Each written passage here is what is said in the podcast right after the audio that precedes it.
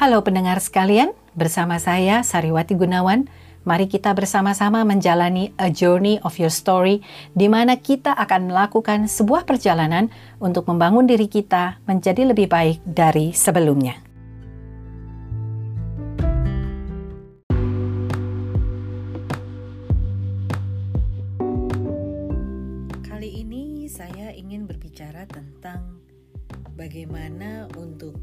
Membuat diri kita selalu menjadi lebih baik lagi. Karena ternyata kalau kita perhatikan ada tiga jenis orang. Yang pertama adalah orang yang mampu untuk membuat segala sesuatunya itu terjadi. Tipe yang kedua itu adalah orang yang menyaksikan segala sesuatu terjadi. Dan yang ketiga adalah orang yang hanya bertanya-tanya apa yang sedang terjadi. Saya nggak tahu di mana posisi Anda hari ini.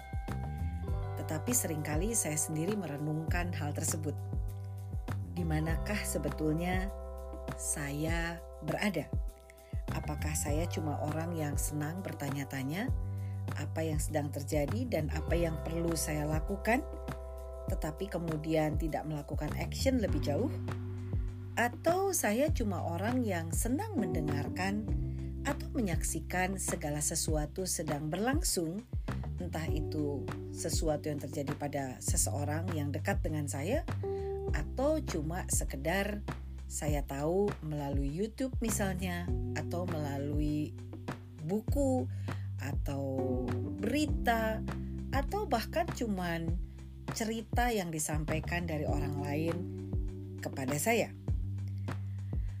Tapi saya sangat berharap bahwa saya adalah orang dengan tipe yang pertama, yaitu orang yang bukan cuma memikirkan atau membayangkan atau menginginkan sesuatu terjadi, tetapi saya mampu untuk membuat segala sesuatunya akhirnya benar-benar terjadi.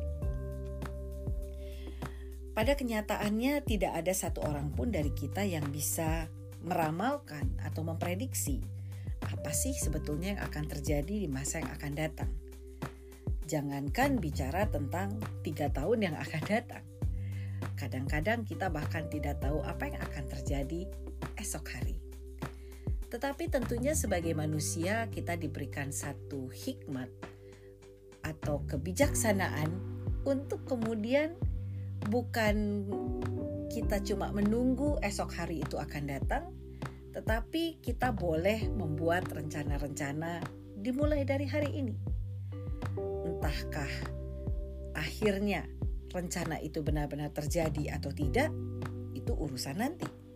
Tetapi yang penting kita melakukan satu usaha untuk supaya hal tersebut benar-benar bisa terjadi.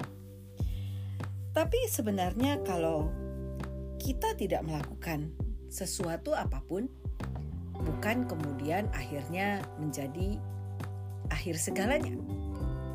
Tapi saya bisa pastikan Eh, kemungkinan besar tidak akan ada sebuah perubahan yang signifikan di dalam kehidupan kita. Ataupun kalau misalnya ada perubahan pun bisa jadi perubahan yang akan terjadi adalah perubahan menuju ke arah yang kurang baik dibandingkan dengan arah yang lebih baik. Selama ini kita sudah belajar begitu banyak tentang teori motivasi dan saya mau bilang bahwa semua teori motivasi yang pernah kita dengar atau kita baca itu semuanya pasti sangat bagus. Dan lucunya, setiap kali saya pun mendengarkan atau membaca teori-teori tersebut, rasanya ada satu gairah yang baru untuk kemudian membakar diri saya dan uh, menstimulir cara berpikir saya untuk kemudian rasanya saya ingin melakukan seperti itu.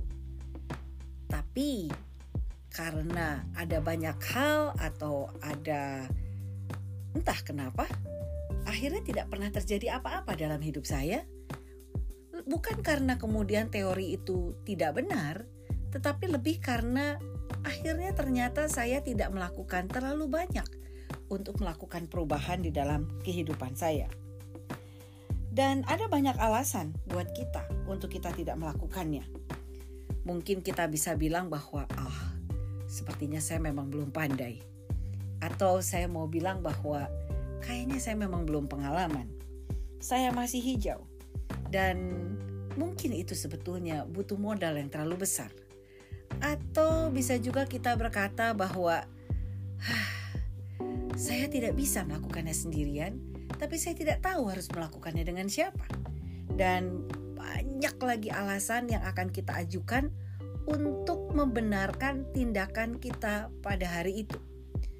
Tetapi sering kali sebenarnya tidak pernah terjadi sesuatu atau tidak pernah terjadi perubahan apa pun dalam kehidupan kita, itu bukan karena orang lain, tetapi lebih banyak karena kita sendiri tidak mau mencoba melakukan sesuatu yang berbeda dalam kehidupan kita. Saya suka dengan baking, lagi-lagi saya perlu katakan tersebut tetapi masalahnya bukan kesukaan saya untuk bakingnya yang ingin saya bagikan, tetapi ada satu kebiasaan yang sering kali akhirnya mengganjal dalam hidup saya, yaitu saya tidak bisa membuat satu uh, kue atau roti yang sepertinya punya tekstur yang berbeda dari apa yang biasanya saya lakukan. Tapi kalau kemudian saya pikir-pikir lagi, kenapa kok kayaknya tidak pernah mengalami perubahan? Seringkali kalau saya pikir-pikir itu karena saya tidak pernah berani untuk bereksperimen untuk melakukan proses pembuatan kue tersebut dengan cara yang berbeda atau dengan bahan yang berbeda. Karena saya ternyata adalah tipe orang yang bisa dibilang kurang takut beresiko sehingga akhirnya saya akan kembali ke cara yang sama dengan bahan yang sama, dengan pola yang sama, dengan proses yang sama sehingga akhirnya tentu saja akan menghasilkan kue atau roti dengan kualitas yang sama. Dari situ kemudian saya belajar bahwa ternyata saya perlu mendorong diri saya sendiri untuk melakukan hal-hal yang berbeda, mengambil tindakan yang berbeda demi mendapatkan hasil yang berbeda. Saya pernah mencobanya dan ternyata it's not bad. Saya suka dengan hasil yang bisa saya dapatkan ketika membuat kue dengan cara yang berbeda. Begitu juga dengan kehidupan kita. Seringkali kita mengeluhkan karena kita merasa bahwa hidup kita begitu-begitu saja. Tetapi kalau kita mau jujur, bukan salah dari kehidupannya, bukan salah dari uh, cara kita uh, men, uh, akhirnya mendapatkan hal tersebut, tetapi sering kali sebetulnya kenapa kita tidak mempunyai hasil yang berbeda karena kita tidak pernah berani mencoba sesuatu yang berbeda. Ada yang mencoba meriset dan kemudian mengatakan bahwa banyak dari kegagalan yang sering kali kita alami itu lebih karena kita kurang mendapatkan pengarahan dan juga karena kita kurang melakukan perencanaan. Dan kalau dipikir-pikir betul juga. Seringkali dalam hidup saya karena saking terlalu mengalir, banyak kali saya akhirnya menjadi kurang maksimal di dalam melakukan sesuatu. Karena ternyata sebuah perencanaan atau sebuah arahan itu akan sangat menolong kita untuk mencapai hasil dengan lebih baik. Visi itu tentunya akan membawa kita menjadi lebih fokus di dalam kehidupan kita. Bayangkan kalau kita tidak pernah punya visi, kita tidak tahu arahan hidup kita ini mau ke mana, maka itu yang kemudian membuat hidup kita selalu mencoba ini, dan ternyata tidak berhasil, mencoba yang itu kurang meyakinkan, mencoba lagi yang lain kurang memuaskan, mencoba lagi hal yang lain, rasanya kok bukan ini, dan terus seperti itu kita akan jatuh bangun di dalam trial and error di dalam kehidupan kita. alangkah baiknya kalau kemudian kita punya visi dalam hidup kita. Karena ketika kita mau punya visi, biasanya hal itu akan mendorong kita untuk mempunyai fokus yang lebih jelas di dalam setiap tindakan yang akan kita lakukan.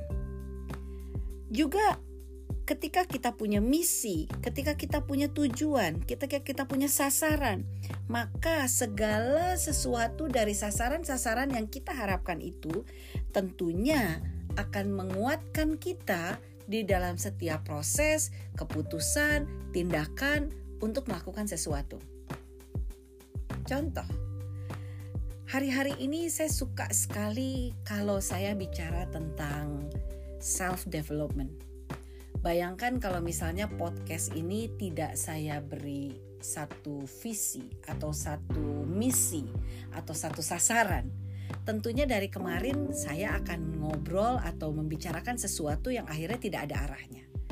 Dan mungkin bukan artinya jadi tidak menarik juga, mungkin akan tetap menarik karena itu tergantung dari kemasannya tapi bisa jadi untuk beberapa orang tidak akan merasa perlu untuk mendengarkan secara terus-menerus, karena mereka merasa bahwa e, tidak jelas arahnya mau ke mana. Tetapi dari sejak awal saya membuat podcast ini, saya benar-benar punya misi, yaitu ingin mengajak setiap orang untuk bisa menjadi lebih baik dari sebelumnya dengan cara membangun dirinya sendiri. Dan karena itu, semua semua topik-topik yang ada di dalam podcast ini, saya mencoba untuk mengarahkan sedemikian rupa supaya semua isinya ini dapat menguatkan setiap Anda yang mendengarkan. Dan di dalam semuanya itu, tentunya kita juga perlu membuat strategi. Karena dengan kita punya strategi, tentunya hal ini akan menolong kita untuk menghemat waktu dan energi kita, tetapi kita dapat melaksanakan dan kemudian lebih powerful di dalam setiap hal yang kemudian kita lakukan. Seandainya saya tidak punya strategi di dalam membangun podcast ini, tentunya dari kemarin-kemarin segala sesuatu yang saya sampaikan sudah akan kehilangan arahnya.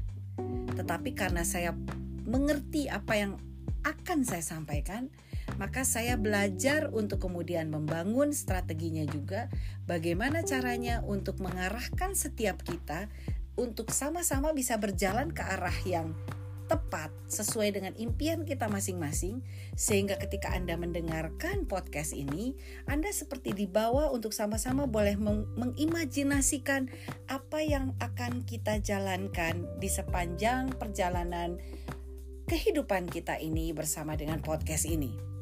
Maka nanti di akhirnya kita sama-sama bisa mengatakan bahwa this is really a journey to my story.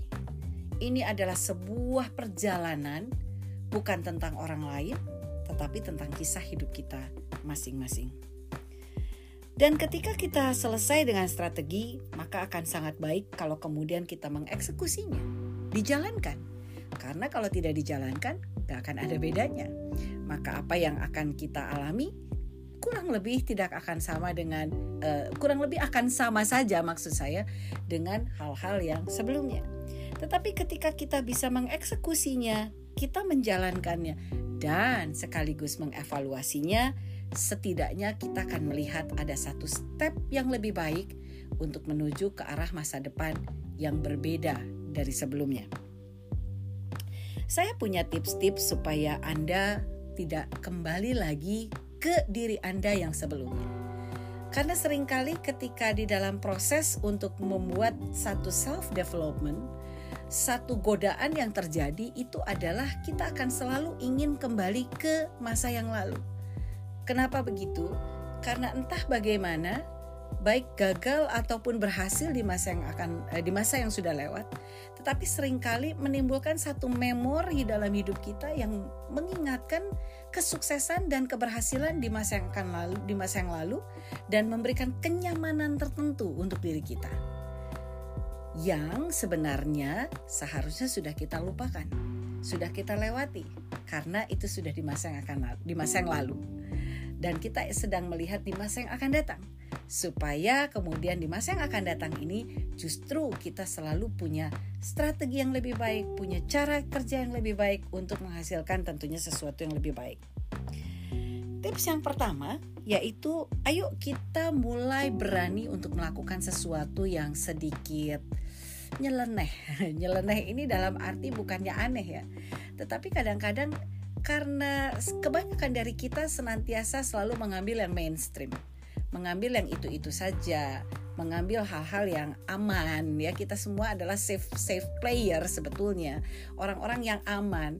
Kenapa kita tidak berani mencoba melakukan sesuatu yang walaupun sedikit beresiko tetapi tentunya akan membawa kita kepada arah yang berbeda. Hmm, apa ya? Saya sendiri juga berpikir Seringkali yang membuat saya uh, cukup bereksperimen dalam hal ini adalah ketika saya mengambil atau membeli pakaian. Karena saya kenal sekali dengan tipe saya. Saya akan terbiasa untuk membeli tipe yang sama dengan model yang sama, bahkan kadang-kadang dengan warna yang sama. Sehingga akhirnya akan selalu menghasilkan diri saya yang sama. Padahal ketika saya kemudian mencoba dengan cara yang berbeda, not bad juga hasilnya. Bahkan sometimes it even better. Bahkan jauh lebih baik. Karena itu coba coba juga terapkan bukan hanya dalam masalah berpakaian tetapi juga di dalam hal uh, ketika kita melakukan satu pekerjaan. Kita coba dengan pendekatan yang berbeda yang tentunya kita harapkan akan membawa hasil yang berbeda pula. Kemudian yang kedua adalah coba kita jangan terlalu uh, maksudnya jangan terlalu melebar untuk segala tujuan yang akan kita lakukan. Kenapa kita nggak coba lebih fokus kepada tujuan yang sedikit dulu, tetapi lebih lebih jelas arahnya dibandingkan kepada tujuan yang tidak jelas. Jadi ayo kita juga berani untuk menghapus tujuan-tujuan yang mungkin pada dasarnya menjadi distraction buat kita. Karena dengan demikian kita bisa men-save energi kita dan memfokuskan segala pikiran kita kepada goal yang ini saja. Yang tidak perlu terlalu melebar ke kiri dan ke kanan. Dan mungkin kita juga bisa belajar untuk uh, mengadop atau mengambil satu tindak uh, satu kebiasaan yang baru. Contoh, saya bukan tipe orang yang rajin bersih-bersih rumah sebetulnya. Bisa dibilang bersih-bersih rumah itu lebih karena keharusan. Karena nggak ada yang melakukannya lagi ya apa boleh buat jadi saya harus lakukan juga.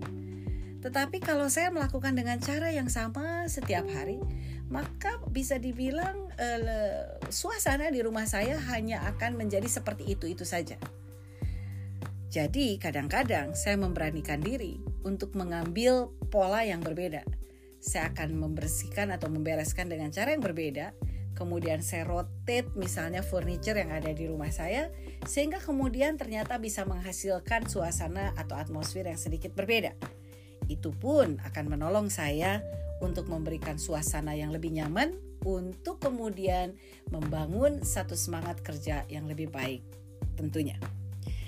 Dan hal yang berikut yang mungkin yang bisa kita lakukan itu adalah cobalah mulai uh, melihat kiri dan kanan teman-teman di sekitar kita. Orang-orang tersebut coba perhatikan jangan-jangan selama ini kita melewatkan uh, satu potensi yang luar biasa yang bisa menjadi partner hidup kita atau partner di dalam pekerjaan kita yang selama ini tidak terlalu kita gubris. Tapi coba ketika kita melihat lebih dekat kepada mereka dan kita menerima mereka dengan segala keberadaan mereka, bisa jadi sebenarnya Tuhan juga mungkin sedang menaruh partner-partner yang paling potensial dari mereka semua. Kenapa tidak? Ya kan? Dan hmm, begitu juga mungkin kita bisa mencoba dengan menawarkan pertolongan kita kepada orang lain. Mungkin Anda bingung, maksudnya gimana ya menawarkan? Apa yang membuat hal tersebut bisa menolong kita juga untuk membuat strategi untuk menjadi hidup kita lebih baik? Ya, Karena kadang-kadang dengan menawarkan pertolongan pada orang lain, kita tidak akan pernah tahu bisa jadi orang tersebut juga akan dipakai oleh Tuhan untuk menjadi agent di dalam kehidupan kita untuk menjadi orang-orang yang tepat untuk menghubungkan kita kepada hal yang lain lagi. Jadi tidak ada salahnya kalau kemudian itu pun kita coba lakukan. Tapi teman-teman, di dalam semua yang saya tadi sampaikan, saya sedang hendak menyampaikan satu hal. Bahwa ternyata untuk membawa hidup kita menjadi lebih baik, itu benar-benar bukan serta-merta cuman masalah ke dalam diri kita saja. Tetapi kita perlu membuka diri kita, membuka mata kita, membuka pikiran kita, dan membuka hmm, segala sesuatu yang ada di dalam diri kita untuk bisa melihat juga segala potensi yang ada di sekitar kita. Karena ketika kita melihat itu dengan baik, bisa jadi kemudian kita menemukan saluran-saluran berkat yang luar biasa untuk hidup kita melalui orang-orang di sekitar kita. Jadi, ketika kita juga membuka diri dan ketika kita juga mau mengubah cara kerja kita, mengubah pola pikir kita, mengubah langkah-langkah kita.